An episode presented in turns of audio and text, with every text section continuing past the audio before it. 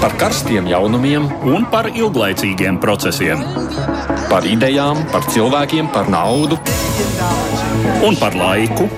Par abām mūsu planētas puslodēm, un lietojot abas smadzeņu puslodes. Ēterā raidījums divas puslodes. Man sauc Aits Tomsons, labdien! Šīs ir raidījums divas puslodes, kas veltīts starptautiskajām aktualitātēm.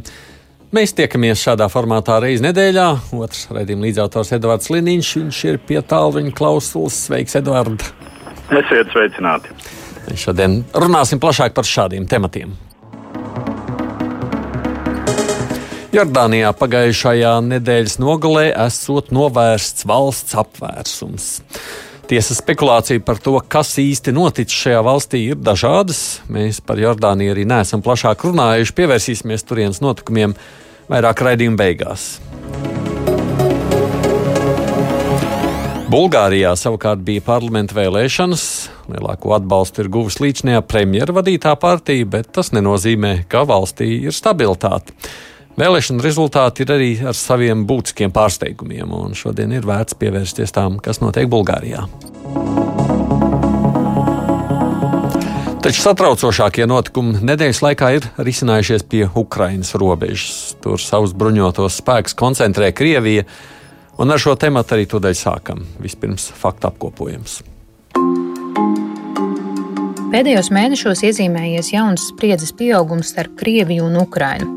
Jau kopš februāra daudz biežāki kļuvuši kopš pagājušā gada jūlijas spēkā esošās uguns pārtraukšanas pārkāpumi no Krievijas un prokrievisko spēku puses, izmantojot ne tikai strēlnieku ieročus, bet arī mīnmetējus, granātmetējus un lielkalibra ložmetējus.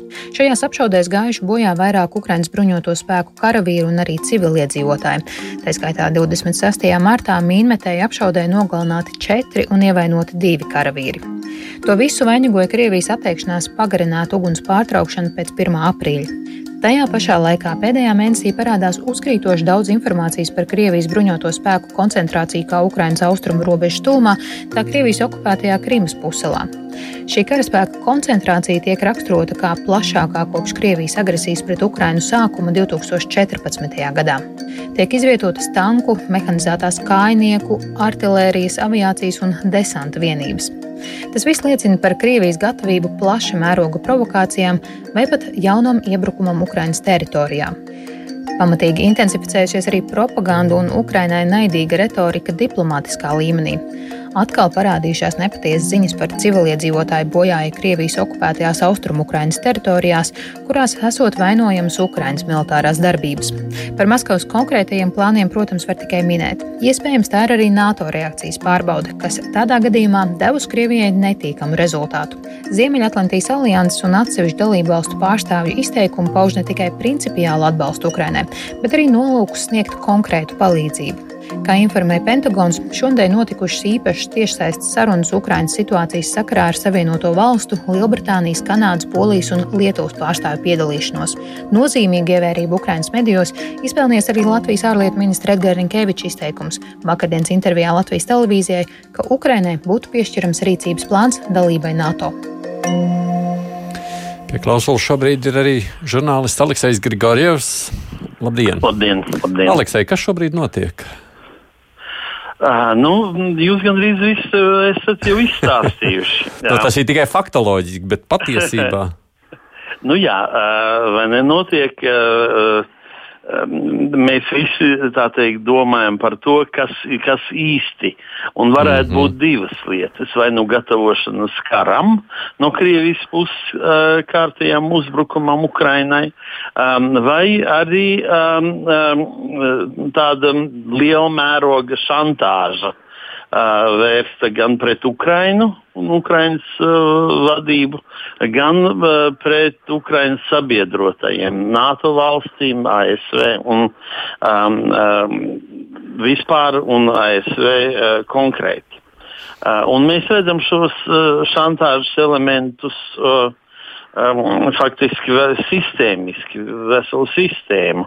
Uh, tas mm, tā sastāv no karaspēka pie, teikt, pievilkšanas uh, pie Ukrainas robežas visapkārt Ukrainai. Um, uh, tad kardarbības uh, intensitātes paaugstināšanai uh, Donbassā, propagandas uh, uzkurināšanai, uh, tātad grāda arī uh, paaugstināšanai uh, Krievijas televīzijā un ne tikai televīzijā. Bet arī eh, Krievijas valsts vīru izteikumos. Nu, par Žirinovski eh, nemaz nav ko runāt. Viņš tā teikt atklāt eh, jau kuru reizi teikt, aicina bombardēt Kijevu un citas Ukraiņas pilsētas. Un, um, bet Žirinovskis ļoti bieži uh, izsaka teikt, uh, to, ko domā uh, Krievijas valdība. Uh, viņ, bet viņš tā teikt grib pārbaudīt, kā, nu, kā cilvēki reaģēs uz šo. Bet, uh, bet arī Lavrovs uh, uzstājoties Indijā. Uh, Uh, aicināja rietumu valsti, sevišķi Normandijas um, um, dialogu uh, dalību valstis, uh, Vāciju un, un Franciju, vest Ukrainu pie saprāta. Um, uh, kā, um, jo Krievija, Krievijas propaganda ziņo, ka, ka Ukraina gatavojas uzbrukumam Donbassai, tam, tam tiem rajoniem, kuri ir um, Krievijas okupēti. Um, tā tad šantāža vai karš? bet faktiski viens otru netraucē. Un kara sākums arī var būt šantāžas sākums, uh, varbūt šantāžas elements, sastāvdaļa. Mm. Uh, tāpēc um, es tiešām uzskatu, ka, um, ka situācija ir ļoti uh, nopietna. Un, uh, tā ir jāņem vērā kā, uh, kā ļoti nopietna. Jā. Um, Mazliet Edvardam jautājot, jā, tagad jā, savukārt, Edvards, tavuprāt, kāpēc Krievijai tas tagad ir vajadzīgs? Kāpēc Krievija to dara? Nu, te jau atkal jāsaka, daudzas versijas ir izskanējušas. Uh, Krievijai ir konkrētas problēmas, kuras ir radušās Krimas okupācijas dēļ. Um, šī pussala joprojām ir ļoti grūti apgādājama un pirmkārt ir lielas problēmas ar ūdens apgādi, jo Krimai pašai nepietiek dzeramā ūdens. Mhm. Un, līdz nesenam laikam tas tika piegādāts pa kanālu, kas speciāli bija izrakts un savienoja Krimas pussalas teritorijas ar Dņepru, lielo Ukrainas upi. Kanāli sākums attiecīgi palika Ukrainas teritorijā, un, protams, ka Ukraina šo kanālu bloķēja pēc tam, kad Krievija Krīmu okupēja. Nu, viena, tas varētu būt viens konkrēts motīvs, bet, protams, nu, teiksim, militāras operācijas, kas būtu Krievijas armijas izlaušanās no Krīmas. Nu, tas pirmkārt nozīmētu, ka pilnīgi noteikti Krievija šajā konfliktā parādās kā pirmkārt kā karojošā puse, ko Krievija līdz šim ir diezgan kategoriski noliegusi. Uh, un otrkārt, uh, tā parādās kā agresors, uh, nepārprotams. Nu, likmes, es teiktu, ir drusku par augstu, tā manā vērtējumā. Bet nu, ir, ir iespējami citi pieticīgāki mērķi arī militārai darbībai. Bet, nu, protams, es domāju, ka primāri jā, tas ir, tā ir provokatīva darbība, tas ir mēģinājums tā sacīt virtuālā izlūkošana ar, um, ar šī hibrīda kara kauju. Ne gluži reālu kauju, lai gan ir reāli, protams, arī upuri apšaudēs. Bet tā tad hibrīda kara izlūkošana ar kauju, un tur nu galvenais mērķis pat droši vien nav prezidents Zelenskis, kuru Krievija jau mazliet pazīst, un viņa potenciālās reakcijas, bet uh, visdrīzāk tomēr tas ir Joe Bidenis Uh, un uh, tā sacīt, uh, vēl jau vairāk tāpēc, ka es domāju, prezidents Putins uzskata, ka Baidens ir tā sacīt, uh, iemetis viņam cimdu sejā ar savu uh, pusteikumu, varētu teikt, par, par to, ka jā, es domāju gan uz jautājumu, vai Putins ir slepkava. Klausies, ir Eveduārda bija saruna ar kādu kolēģi šajā. Jā, jā, var teikt, mūsu kolēģis Dmitro Levus, um, Ukraiņu politologs un publicists, pētījuma centra Ukrainas meridiāns vadītājs.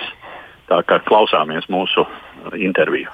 Вообще, я бы не сказал, что ekstraordinārna. Почему? Потому что обострения были Es neteiktu, ka situācija ir ekstraordināra, jo sācinājumi ir bijuši iepriekš, vai jau vairāk šādas Krievijas federācijas informatīvās kampaņas. Tas viss ir jāuzlūko notiekošā sarunu procesa kontekstā. Šajā konkrētajā gadījumā viss sākās ar neizdevušos Normandijas formāta valstu vadītāju padomnieku sanāksmi, pēc tam trīspusējo kontaktgrupu. Maskavas taktiskais mērķis ir nepārprotams un nemainās. Tas ir apsēdināt Ukrainu pie tieša sarunu galda ar tā sauktajām Doņetskas un Luganskas tautas republikām, lai šie separātisti tiktu uzskatīti par pilnvērtīgu konflikta pusi un Maskavai būtu tikai starpnieku un novērotāju status. Tas nav izdevies. Tomēr pašreizējā eskalācija nav arī gluži parasta. To pavada īpaši liela informatīva psiholoģiska operācija no Kremļa puses. Papildus jau tradicionālajām apsūdzībām Ukrainai, kā tā gatavojot ofensīvu Donbasā, tagad plašsaziņas līdzekļos, it īpaši kanālā Telegram, ir skatāmi sevišķi daudz nopludināti video par karaspēku koncentrāciju. Bet tam interesanti, ka šodien uzsvēra vietne Informa Napalma, ka tiek nopludināti videoklipi, kuros redzama karaspēka kustība. Savukārt štābu kustība tiek maskēta, lai gan arī tā notiek. Piemēram, Krimā nesen ieradās brigāde, kas organizē sakaras un desanta operācijas.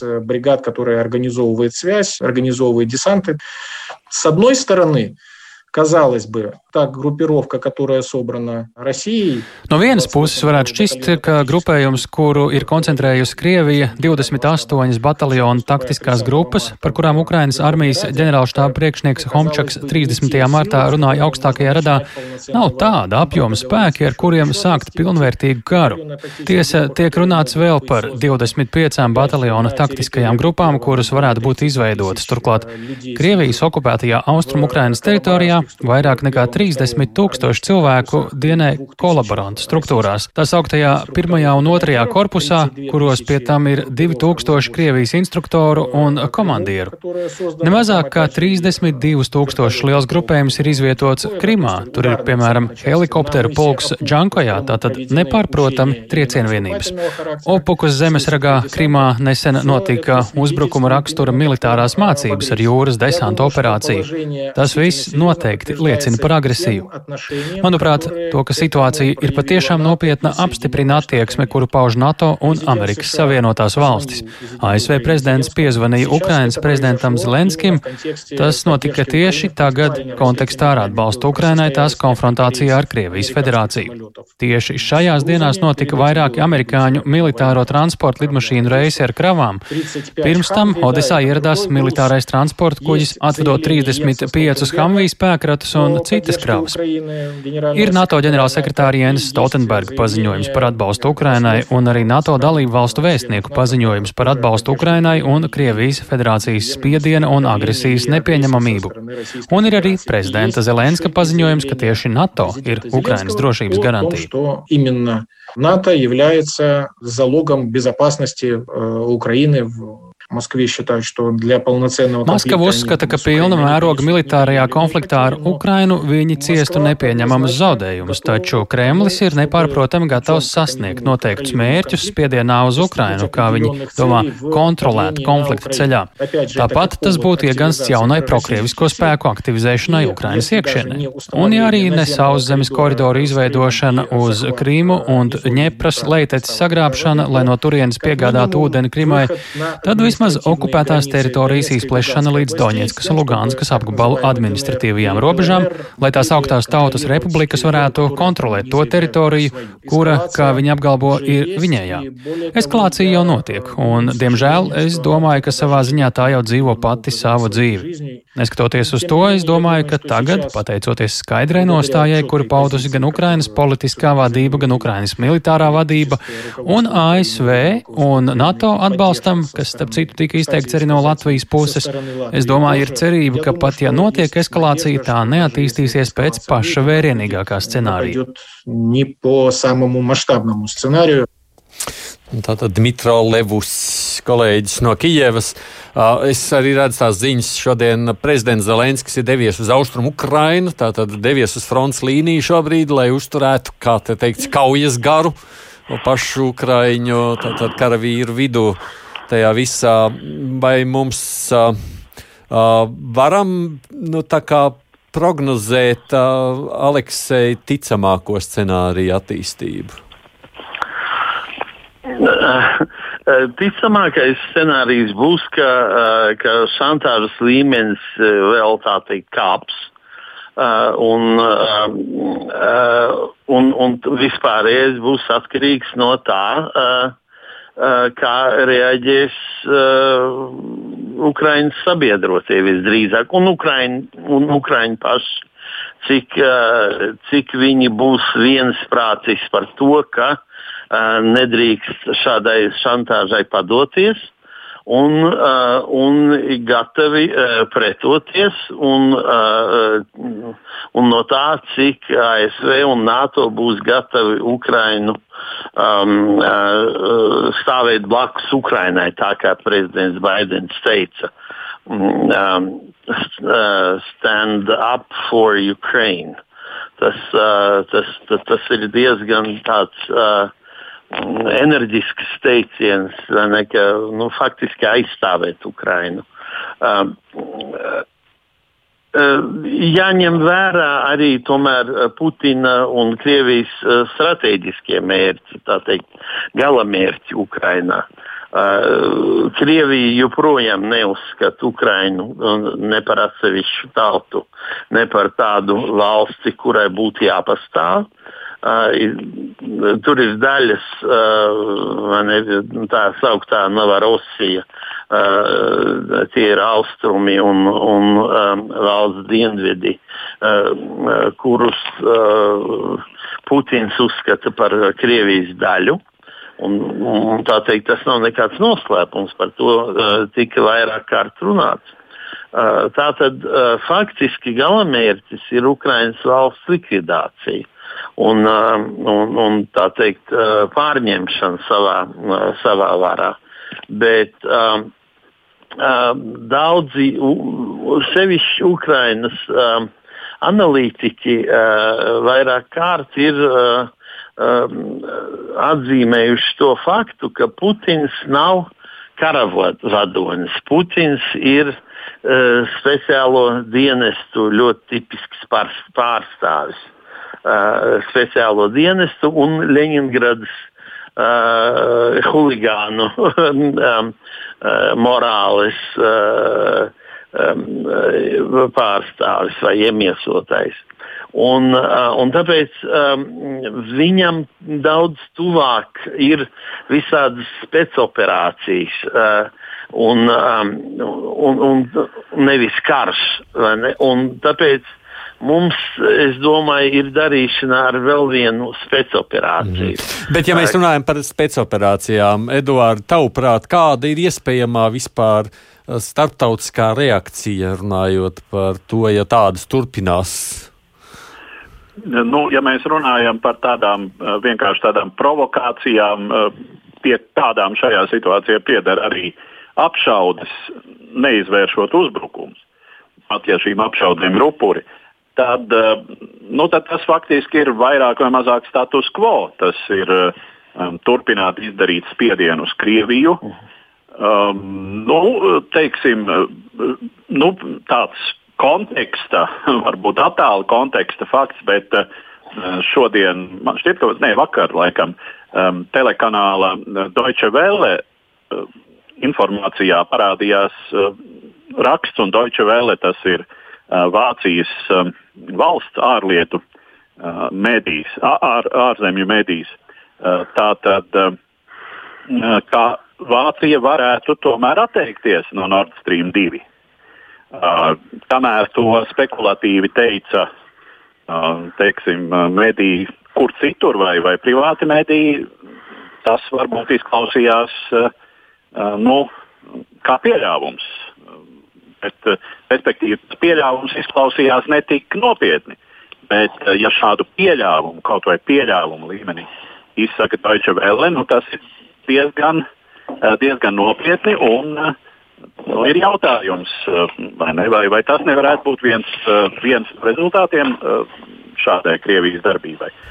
Nu, un arī jā, konkrēta palīdzība, protams, nav domājams, ka NATO valstis sūtītu uz Ukrajinu savus bruņotos spēkus, lai atbalstītu Ukrajinu šai karā. Pat ja Krievija turpina, kas droši vien tā arī būs, uzstāt, ka tā pati tur nekaro, ka tur nav Krievijas armijas, ka tur ir tikai varbūt Krievu brīvprātīgo vienības un tā tālāk.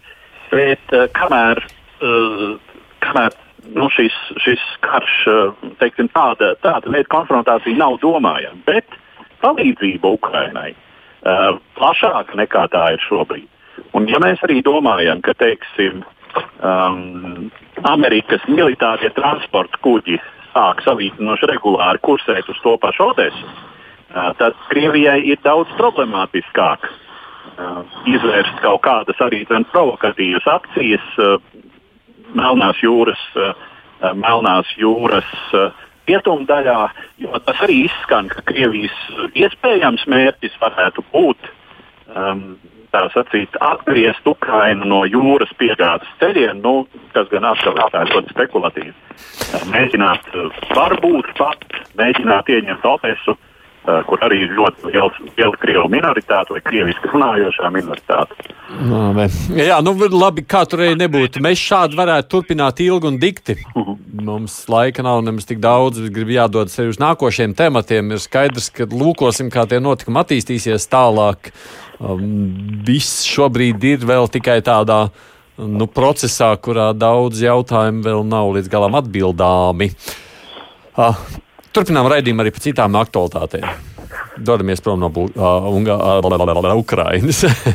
Bulgārijā nedēļas nogalē bija parlamenta vēlēšanas. Klausāmies vispirms ierakstu.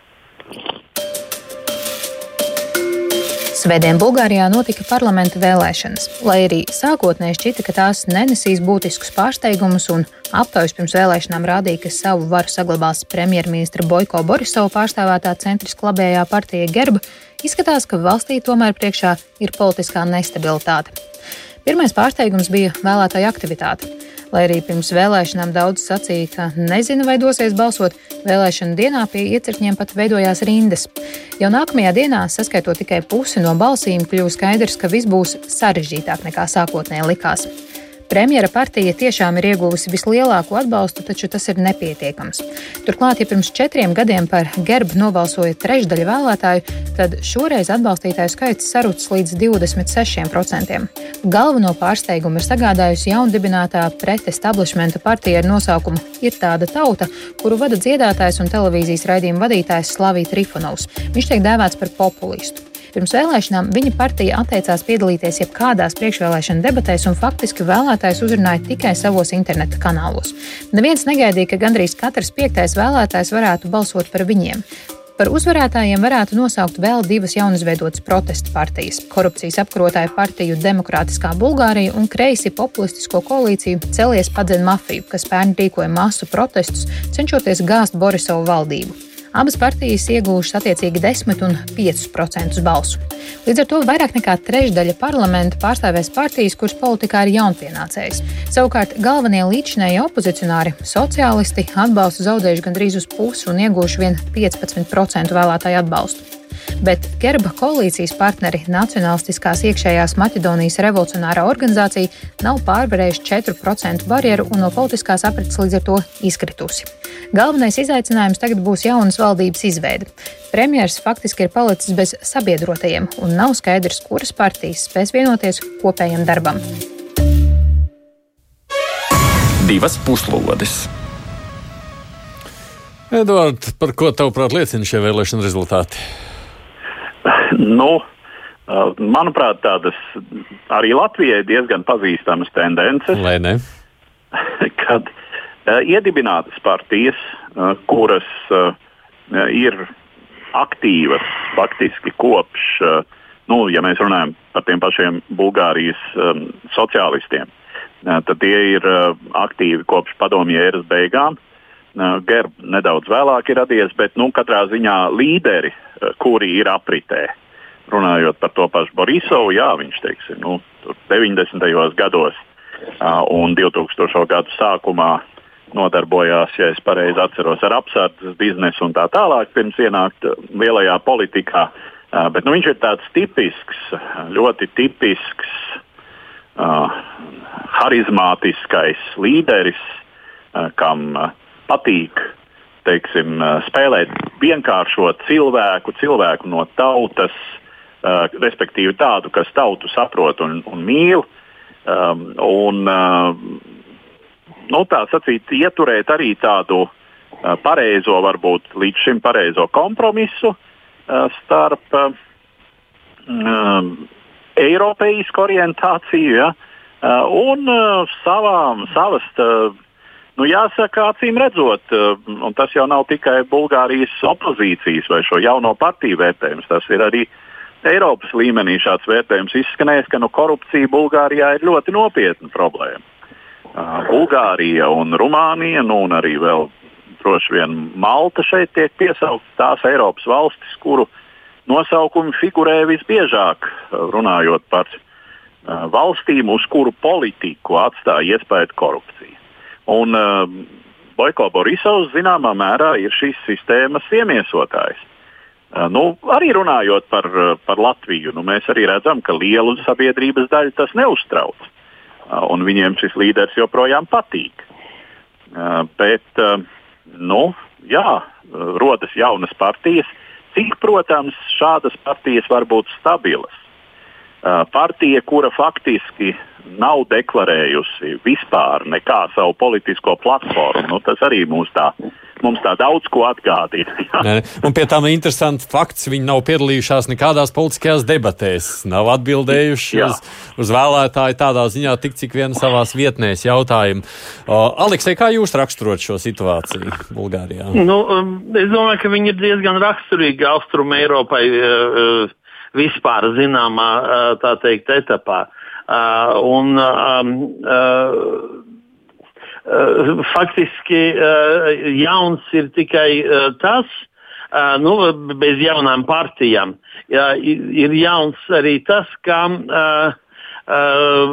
Boiko Borisovam būs grūti atrast partnerus koalīcijas valdībai. Uh, un uh, visas valdības, un arī nākošā valdība um, uh, Bulgārijā uh, tai jābūt koalīcijas valdībai, jo nevienai partijai nav vairākums, uh, uh, vairākums parlamentā.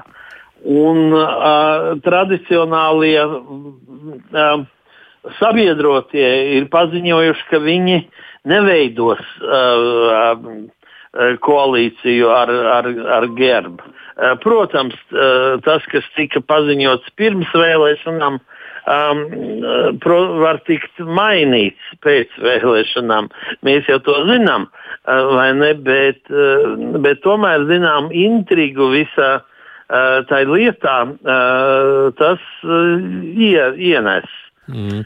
Tas, tas mazliet atgādina neapšaubām mūsu pašu pirms pāris gadiem, kad sanāca dažādas partijas kopā. Viens pamēģināja premjerēt, o, nu, tā kā izvirzīts bija pa premjeru, neizdevās izveidot valdību. Otrs, trešais, atceramies mums to stāstu. Tepat Latvijā tur šobrīd arī neizskatās, kad ir kādi gatavi. Ka, nu, tur, tur pašreizējā kombinācija nerāda, ka var iznākt valdība.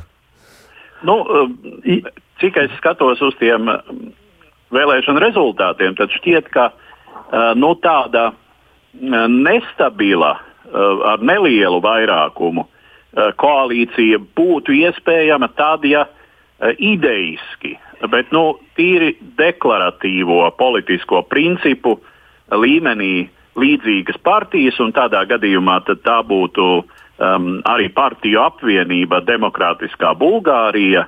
Uh, un, uh, tā sauktā kustība par brīvību un par tiesībām un brīvībām, nu, kas arī ir deklarējušas tāpat kā Gerb līdz šim visumā pro-eiropeisku, visumā demokrātisku šo politisko rāmi. Bet viņi jau bija Bet, nu, tie, tā... kas taisītos protestus, lai gāstu, vai ne tā? Nu, nu, jā, nu, daudz, daudz kas ir taisīts. Bet, bet nē, nu, protams, ka uh, tā būtu koalīcija ar mm, krietni iebojātu reputāciju un attiecīgi ļoti viegls mērķis jebkurai kritikai no opozīcijas puses, kurā tad nu, sapulcētos visi šie um, pretkorupcijas, populisma spēki un tā tālāk. Un tā tālāk.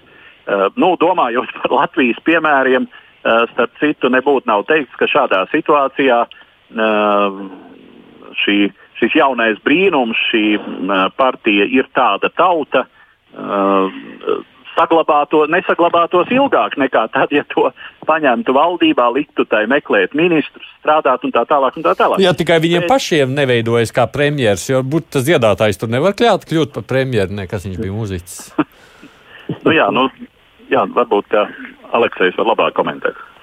nē, nu, kāpēc nē? Ziniet, gal galā ne tikai Latvijā mēs redzam dažādas piemērus, bet arī komiķis ir kļuvis par, par Ukraiņas prezidentu. Nu un, ja salīdzina ar pārējiem, nu, nemaz nav tik slikti. Un nemaz nav tā teikt tik slikti, kā, kā, kā varēja gaidīt.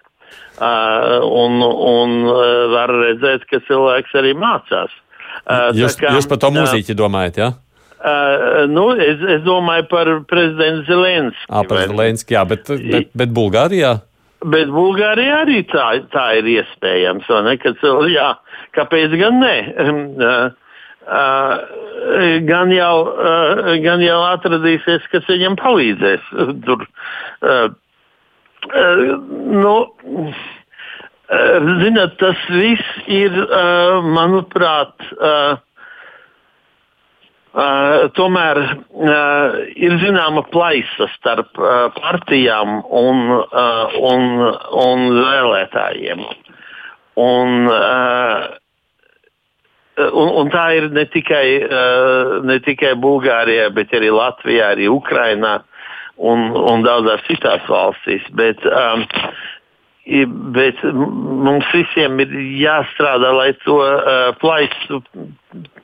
Uh, lai tai plaisai tiktu pāri, vai ne? Un uh, vienkārši jāiet politiķiem pie, vēl, pie vēlētājiem un jārunā. Uh, ne tikai uh, nepalaižoties tikai uz televīziju un pat debatēm tur, bet, uh, bet arī tā teikt, uh, ja no kādas sāģes ir eh, šīs partijas politiķis, nu, tad viņam ir jāiet pie saviem kaimiņiem un jārunā.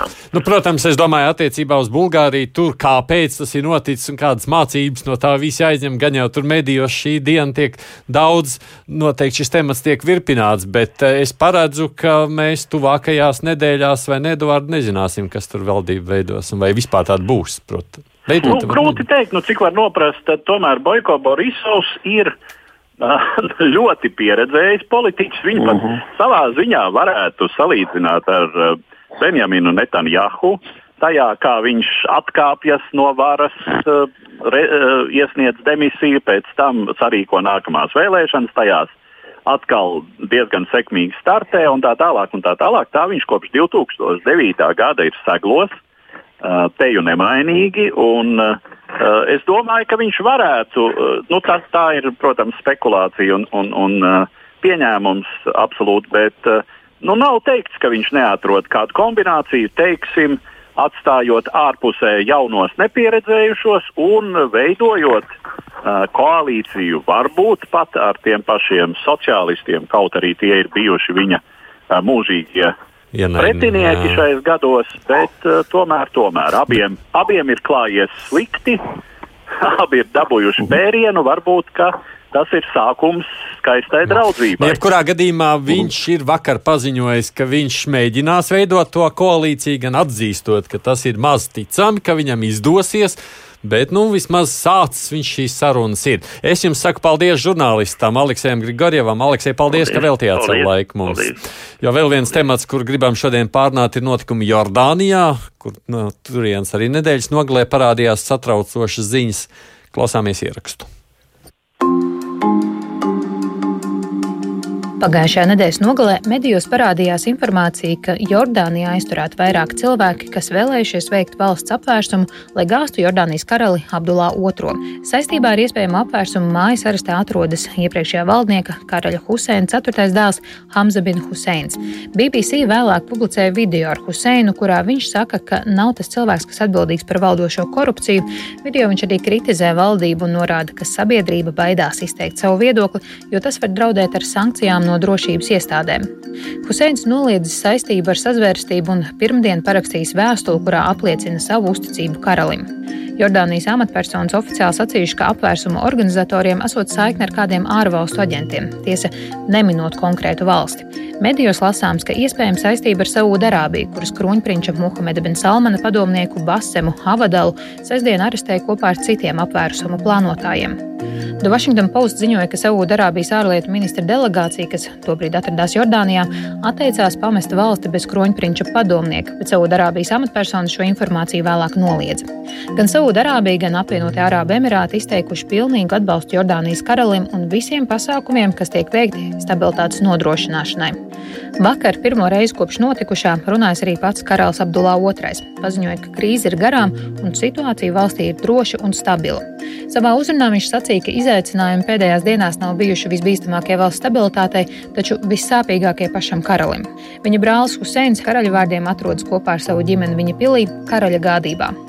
Jāpiebilst, ka Jordānija jau ilgstoši grimst ekonomiskajā krīzē. Vēl pirms Covid-19 pandēmijas tās bezdarba rādītāji tuvojās 20%.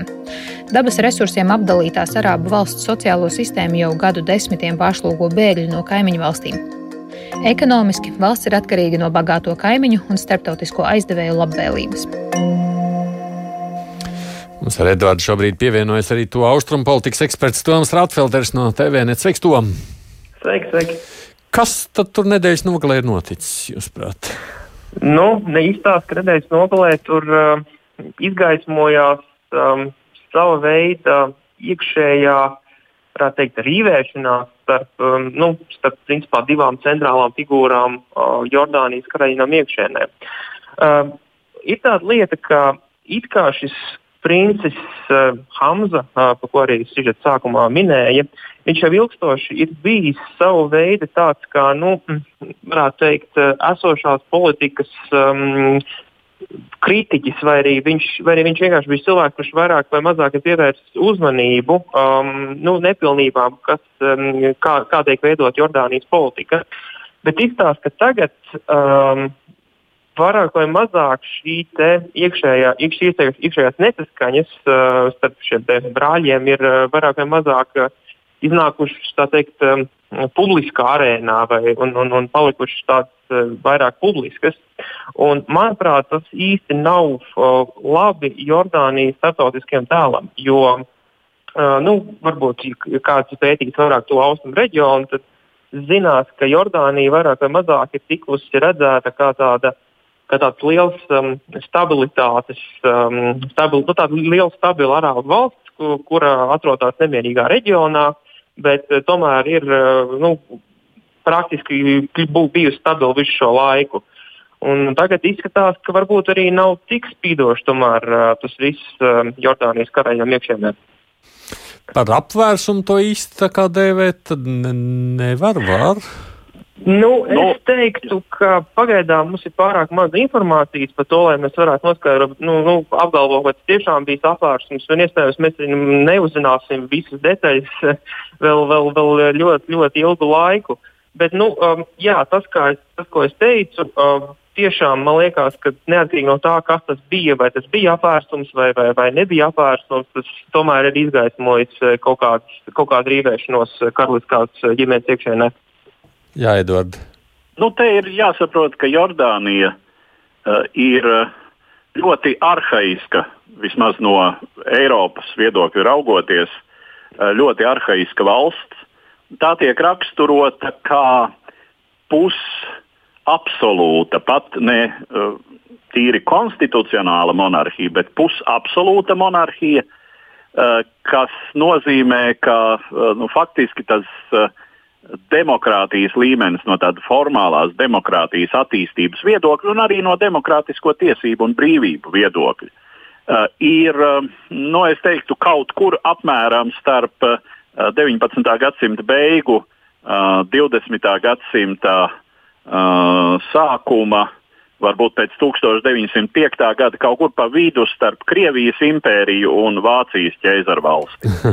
Tātad tādām arhaiskām, salīdzinoši arhaiskām monarhijām, kur karalim un karaļnamam ir ļoti salīdzinoši liela vara, nu, piemēram, tiesības ar savu vienpersonisku lēmumu, nevienam par to neatskaitoties, atlaist parlamentu. Uh, iecelt daļu no parlamenta mm, augšnama deputātiem un tā tālāk. Un tā tālāk. Eh, tā kā eh, tas arī rada eh, problēmas un situācijas, kuras mūsdienu pasaulē ir vairs īsti neierastas. Jo te mēs nerunājam par tādu valsts apvērsumu tik daudz vai mēģinājumu, cik par galma apvērsumu mēģinājumu, kas ir kaut kas cits. Bet, nu, un, un, respektīvi, motīvi ir citi, kur motīvi var nebūt. Un es domāju, ka šajā gadījumā nu, tas pirmais motīvs, kas lec acīs, ir tas, ka uh, šis princis Hamza eh, bija eh, kroņprincis, kā sava tēva dēls. Nu, cik, es, tātad, cik es zinu, tātad mātes ir dažādas, kā tas mēdz būt šiem arī šiem tuvu austrumu monarhiem. Divi dēli, katrs pusbrāļi, katrs no savas mātes. Un sākotnēji nelaiķis Eh, karalis Huseins ir eh, favoritizējis eh, tieši šo vairāk šo princi Hamzā. Um, bet nu, pēc tam izrādījās, tomēr, ka um, otrs dēls, Abdullah, ir uh, cienīgāks uh, un uh, attiecīgi Hamzā zaudēja ne tikai uh, galvenā uh, tātad, sava tēva uh, potenciālā mantinieka, bet arī kroņprinča titulu vispār, jo Abdulam ir dēls. Un tātad, ja karalim ir dēls, tad, protams, varu troni manto dēls, nevis brālis. Ja? Nu, tā ir situācija, kuru mēs viduslaikos Eiropā redzam teju vai nu, mazliet pārspīlējot ik pāris gadus, kad kādā lielākā vai mazākā ķēniņa vai karaļvalstī uh, dēli eh, nevar sadalīt tēva mantojumu. Mm. Nevar respektīvi troni, kurš tad tajā tronī sēdēs. Un tur nav īpaši vajadzīgas nekādas uh, ekonomiskās problēmas pie tā, uh, ārpolitiskais konteksts un tā tālāk. Uh, nu, uh, lai gan šajā gadījumā droši vien tas, ka ir šie motīvi, ka valstī ir ekonomiskās problēmas, tās ir ieilgušas, visa reģiona destabilizācija, protams, pamatīgi sit pa Jordānijas ekonomiku, um, starptautiskā politika, kas šajā reģionā arī šobrīd piedzīvo būtiskas pārbīdes, to mēs arī daudzkārt esam runājuši. Mainās tradicionālā loma, kādu ir spēlējusi Turcija šajā reģionā, mainās uh, loma, kādu varbūt ir spēlējusi tradicionāli Saudā Arābija un tā tālāk, un tā tālāk attiecības ar Izraēlu. Uh, Nu, tas viss arī, protams, var ietekmēt šo situāciju. Toms, cik ļoti šie notikumi satrauc citas valsts, nu, kaut vai turpat kaimiņos esošās valsts? Uh, es domāju, ka mm, nesatrauc varbūt tik ļoti, uh, nu, kā, varbūt, kā varbūt varētu satraukt, jo uh, Nu, man liekas, tomēr, ka tā vairāk ir tāda um, Jordānijas iekšējā lieta, kā, kā Edvards arī jau principā teica, bet uh, karaļi, karaļi ģimenes savā starpā sakašķējās, un tagad viņiem ir vienkārši jāsēžās visiem pie vienota galda, jāizrunājās, nu, protams, tā neformāli izsakoties uh, un jāno, jānonāk pie, pie kopsaucēja.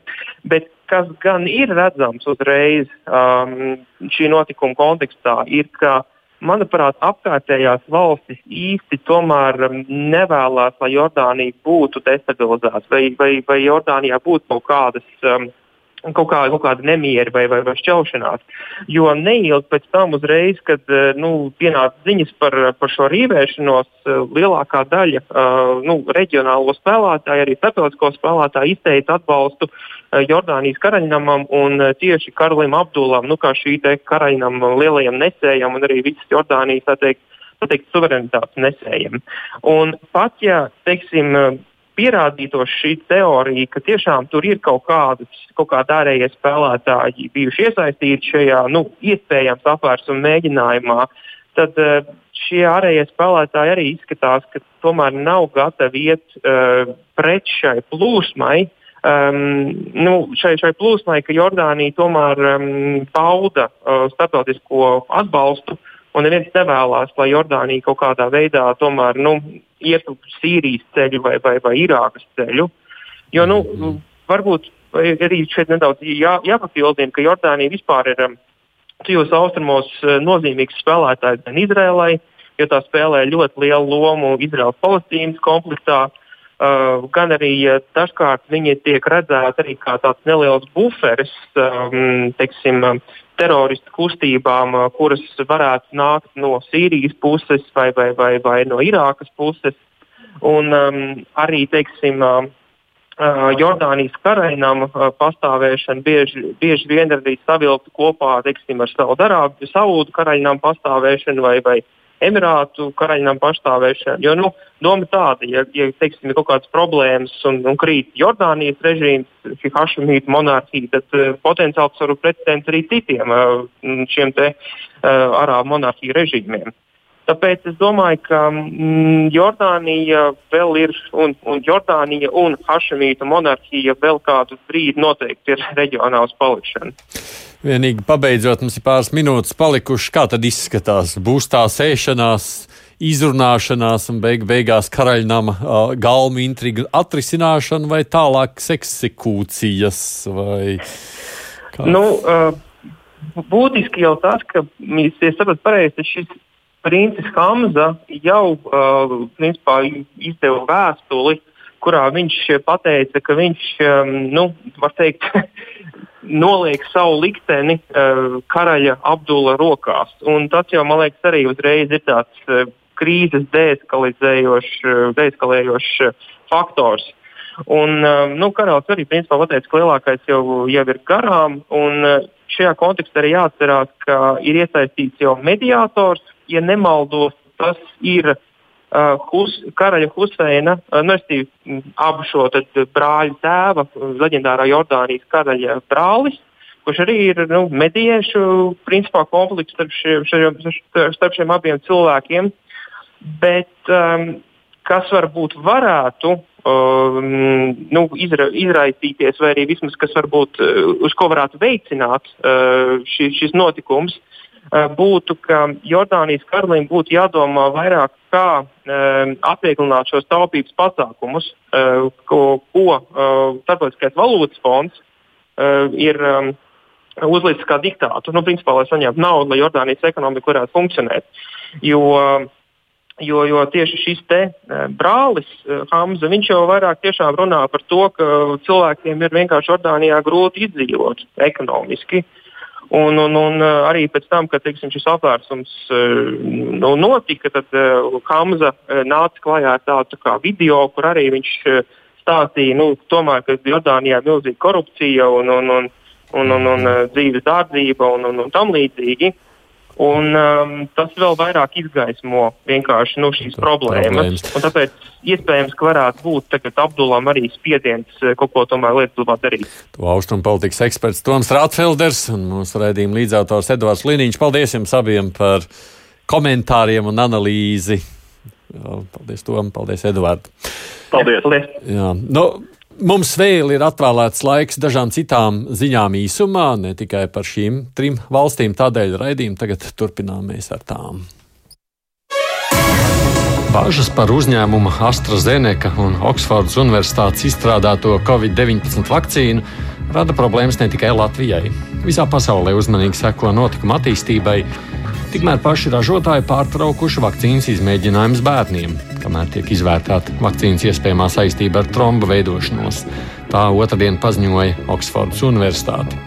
Pat universitāte atkārto, ka viņiem nav nekādu bāžu par drošumu, taču ņemot vērā sabiedrībā augošās bailes, tā gaidīs papildus datus no Lielbritānijas zāļu aģentūras pirms pētījuma atsākšanas. Lai arī ziņojumu par trombiem nav daudz, tomēr statistika rāda, ka tādi var būt vienam no pusmiljonus vakcinētajiem. Eiropas zāļu aģentūra vakar paziņoja, ka tromba veidošanās būs jānorāda kā viena no ļoti retām, bet blakus parādībām. Tomēr eksperti joprojām uzsver, ka ieguvumi no vakcinēšanās ir lielāki par riskiem. Tā pašā laikā arvien vairāk valstu šo vakcīnu lietos tikai gados vecākiem cilvēkiem. Jaunzēlanda un Austrālija, kurās ir zems saslimstības līmenis ar covid-19, šomēnes izveidos ceļošanas burbuli. To otrdien paziņoja Jaunzēlandes premjerministra Jacinda Ārdena. Austrālijas un Jaunzēlandes iedzīvotājiem Ierodoties otrā valstī no 19. aprīļa nebūs jāuzturas karantīnā. Kāds ar premjeru tas dos stimulu ekonomikas atvesļošanai.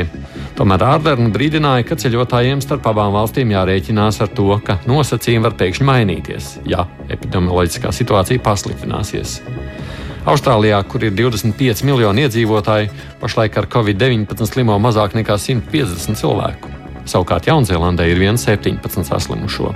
Tiesa, abas valstis izjūt vakcīnu trūkumu. Austrālijas premjerministrs tajā īpaši vainojas Eiropas Savienību, kas šajos deficīta apstākļos arī Austrālijai neļauj saņemt jau apsolītās vakcīnu kravas. Eiropas Savienības augstākās amatpersonas šodien tikās ar Turcijas prezidentu Reģepu Tajipu Erdoganu, paužot satraukumu par cilvēktiesību situāciju Turcijā. Lai arī tikšanās ilga gandrīz trīs stundas, neizskatās, kā abas puses būtu spējušas panākt kaut cik kopēju izpratni. Cilvēktiesību jautājumi nav diskutējami, tie ir absolūti prioritāti. Mēs to pateicām ļoti nepārprotami, norādīja Eiropas komisijas prezidenta Urzula Fonderleina, piebilstot, ka cilvēktiesību jautājumi ir izšķiroši Turcijas un Eiropas Savienības attiecību uzlabošanai. Erdogans pēc sarunas tikšanos nekomentēja. Vien viņa kanclere izplatīja paziņojumu, kurā teikts, ka Turcija vēlas, lai Eiropas Savienība spēr konkrētus soļus pozitīvas dienas kārtības virzienā. Tikmēr Brisele liek saprast, ka attiecību uzlabošana ar Ankaru nebūs iespējama, ja nekas nemainīsies cilvēktiesību jomā. Turcijā politiskā opozīcija piedzīvo arvien lielākas vajāšanas. Žurnālisti tiek arestēti, Tāpat it nesen valdība paziņoja, ka Turcija izstājas no Stambulas konvencijas. Kā sacīja Fonderleina, tas attiecas uz sieviešu un bērnu aizsardzību pret vārdarbību, un tas nepārprotami šobrīd ir nepareizais signāls. Krievija otrdien aicinājusi nepiemērot sankcijas Mjanmai, kur militārā hunta sagrābusi varu valstī un draudi, spiediens un sankciju izmantošana pret Mjanmas varas iestādēm ir veltīgi un ārkārtīgi bīstami. Ziņa aģentūra Interfaks norādījusi Krievijas ārlietu ministriju. Šāda politika pēc Krievijas domām tikai nostāda pretējās puses vienu pret otru, piebilstot, ka tas novedīs pie pilsoņu kara. Kopš militārā hunta februāra sākumā sagrāba varu Mjanmā, karavīri un policisti, apspiežot protestus, ir nogalinājuši vismaz 564 cilvēkus, tostarp 46 bērnus. Tā liecina Mjānmas politieslodzīto palīdzības asociācijas apkopotā informācija. Eiropas Savienība, Lielbritānija, ASV un Kanāda jau ir piemērojuši sankcijas Mjānmas armijai. Tikmēr Maskava vēlas turpināt militāro sadarbību. Un Krievijas ārlietu ministra vietnieks Aleksandrs Fomins pirms nedēļas viesojās Mjanmā, kur apmeklēja militāro parādi. Ziemeļkorejas līderis Kims Čenons atzīst, ka situācija valstī ir sliktāka nekā jebkad. Uzrunā valdošās partijas šūniņu sekretāriem diktators teica, ka partijai ir jāpārvar nepieredzēt daudz problēmu. Eksperti uzskata, ka Kims, kurš pie varas Ziemeļkorejā atrodas jau gandrīz desmit gadus, ir nonācis tik smagā situācijā gan pandēmijas, gan sliktās pārvaldības, gan ASV sankciju dēļ. Ziemeļkorejas ziņa aģentūra vēsta, ka Kims aicinājis partijas biedrus īstenot lēmumus, kas pieņemti partijas kongresā janvārī viņš solīja stiprināt Ziemeļkorejas kodola programmu un paziņoja par jaunu piecgadus attīstības plānu. Vairākus mēnešus pirms tam Kims citā politiskā konferencē sacīja, ka viņa plāns uzlabot ekonomiku nenes cerētos rezultātus. Kims otrdien kritizējis partijas šūniņas par trūkumiem, kas nekavējoties jānovērš, lai nodrošinātu veselīgu un ilgspējīgu partijas attīstību, bet nav paskaidrojis, par kādiem tieši trūkumiem ir runa. Partijas šūniņš, kurš veido 5 līdz 30 biedri, ir mazākās partijas struktūra vienības, kas pārauga dzīvi fabrikās un citās darba vietās. Ar šo ziņu raidījums divas puslodes šodien arī izskan. Pēc nedēļas lūkosim, kas atkal jauns būs noticis abās divās zemes puslodēs. Bet šodien saku visiem mūsu sadzirdēšanos. Mūsu producenti ir Ieva Zeiza, studijā bija Aits Tomsons. Līdz nākamajai reizei. Divas puslodes!